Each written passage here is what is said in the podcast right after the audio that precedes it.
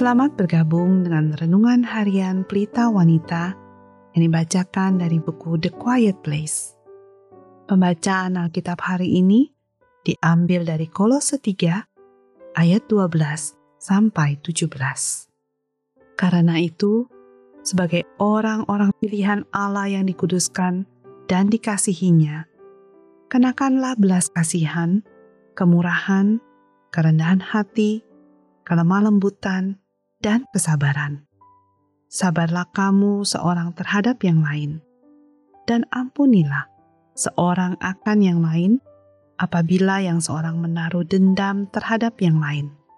Sama seperti Tuhan telah mengampuni kamu, kamu perbuat jugalah demikian.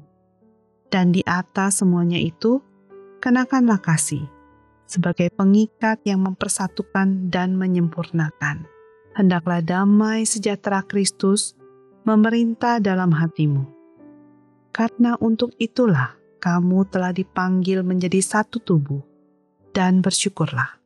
Hendaklah perkataan Kristus diam dengan segala kekayaannya di antara kamu, sehingga kamu dengan segala hikmat mengajar dan menegur seorang akan yang lain, dan sambil menyanyikan mazmur dan puji-pujian dan nyanyian rohani.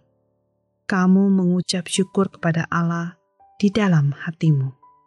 Dan segala sesuatu yang kamu lakukan dengan perkataan atau perbuatan, lakukanlah semuanya itu dalam nama Tuhan Yesus sambil mengucap syukur oleh Dia kepada Allah Bapa kita. Ayat kunci hari ini adalah dari Kolose 3 ayat 13. Sama seperti Tuhan telah mengampuni kamu, kamu perbuat jugalah demikian. Penagihan utang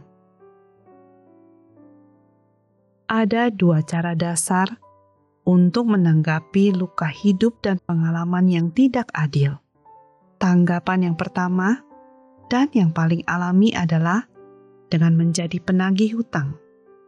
Seorang yang berketetapan untuk membuat si pelanggar membayar atas apa yang telah diperbuatnya. Sampai kita mendapatkan permohonan maaf yang memuaskan, sampai kita memastikan bahwa hukuman yang setimpal sudah dibayar. Kita berhak menahannya di penjara, menghukumnya atas apa yang telah dilakukannya pikirkanlah mengenai Esau dan Yakub. Hak kesulungan dicuri dengan curang, kemudian dengan tipu muslihat, konspirasi keluarga, Esau dilucuti dari apa yang menjadi haknya atas berkat dari ayahnya dan kemakmuran hidup. Esau menaruh dendam kepada Yakub dan berkata kepada dirinya sendiri, "Hari-hari berkabung karena kematian ayahku tidak akan lama lagi. Pada waktu itulah Yakub adikku akan kubunuh. Kejadian 27 ayat 41. Dia menyimpan kebenciannya, menunggu waktunya untuk membalas dendam. Tetapi siapa yang akhirnya membayar harga yang lebih mahal dalam masalah semacam ini? Siapa yang menanggung sebagian besar, jika tidak semua, sisa rasa sakit yang tersisa dari pelanggaran awal.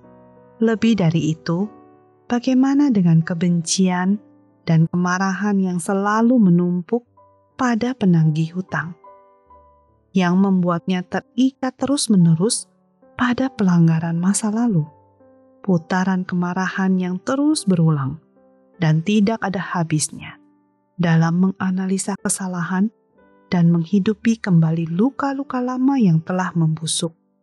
Itu semua adalah bagian dari biaya menjadi penagih hutang. Bersyukurlah Allah menawarkan cara lain kepada kita.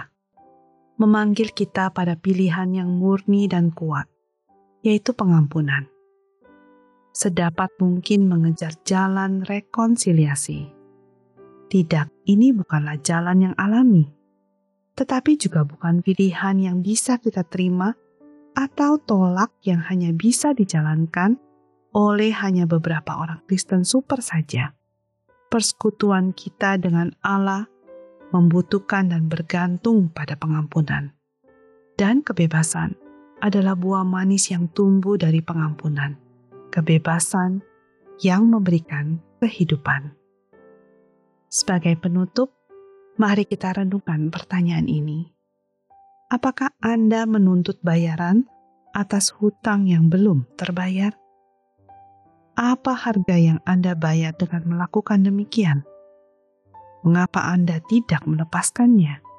Serahkanlah pelanggaran Anda ke ruang sidangnya, dan bebaslah Anda.